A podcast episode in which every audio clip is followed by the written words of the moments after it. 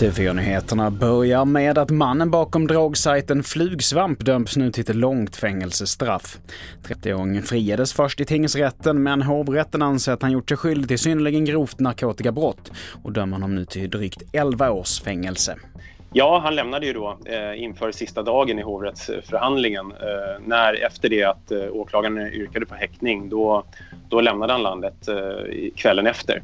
Eh, så eh, vi eh, håller ju på att, vi vet var han är någonstans helt enkelt och eh, det vi jobbar med är att eh, fånga in honom och få honom överlämnad helt enkelt. Han är i Turkiet. Och här hörde vi kriminalinspektör Björn Eriksson.